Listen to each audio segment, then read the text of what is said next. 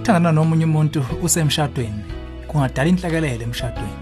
Kodwa kwedlulele ukufihla iqiniso ongaletha imiphumela enqala empilweni. Namhlanje la ohlelweni ezomndeni soxoxa kabanzi ngokuhlambuluka ngokuba nomakhwapheni hlala emsakazweni wakho ungasuki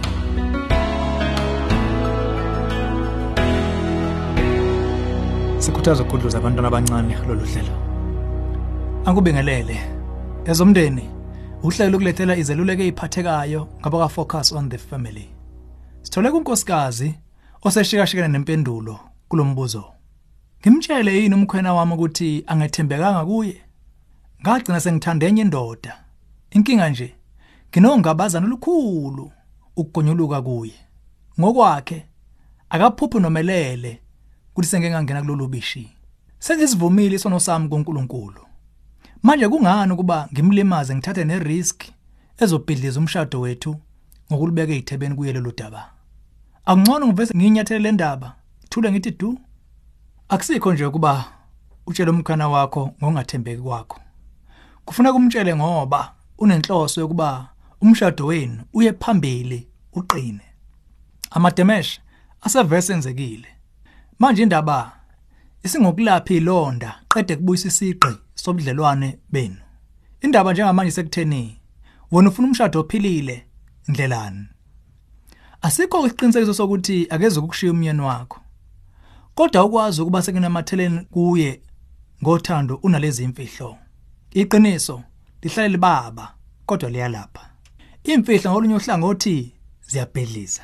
Kunasizathu iBhayibheli lithi vumani izono zenu komnye nomunye nikhulekelane ukuze niphulukiswe Jakobe 5 verse 16 iyona ndlela ke le yokwazi ukuma qeda uvimbele umonakalo ongenzeka. Asisho ukuthi verse yovuma ngokutatazela nokuxabazela udinga ukuqala uthandazisise ngalesimo futhi ucabangisise. Ungavese uqhumbuza into ngesikhathi esingafanele. Kunalokho qala uphendule umhlabathi. Thandaza ngozokusho. Kubhale phansi. Uma ucabanga lokho ngakusiza Dlala inhliziyo yakho phambi kwenkosi. Uyithowe ebukhweni bayo.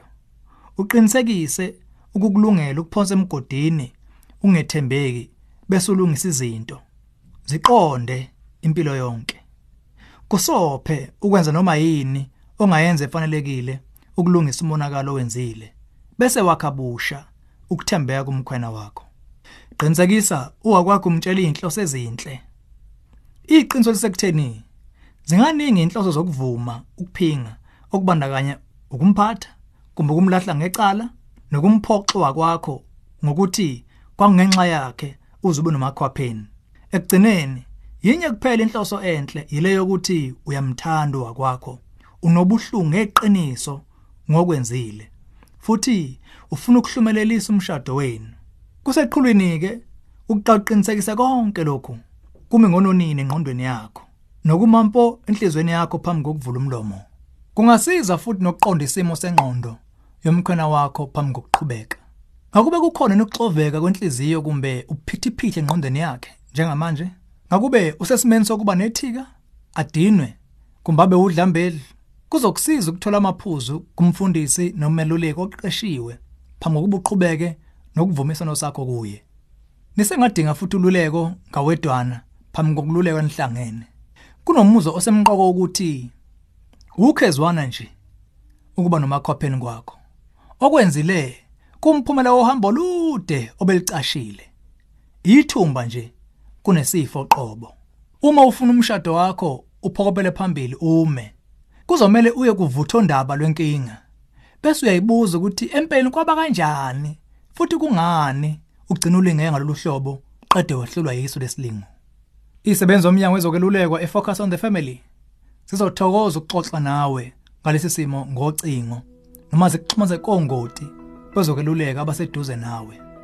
Ukukhuluma nongakusiza shayela ku 031 716 3300 uzodinga ukunyathela ngesizotha nokucabangisisa kodwa wethu umthandazo kuba umshado wenu uphulukiseke kubuyiseleke nethemba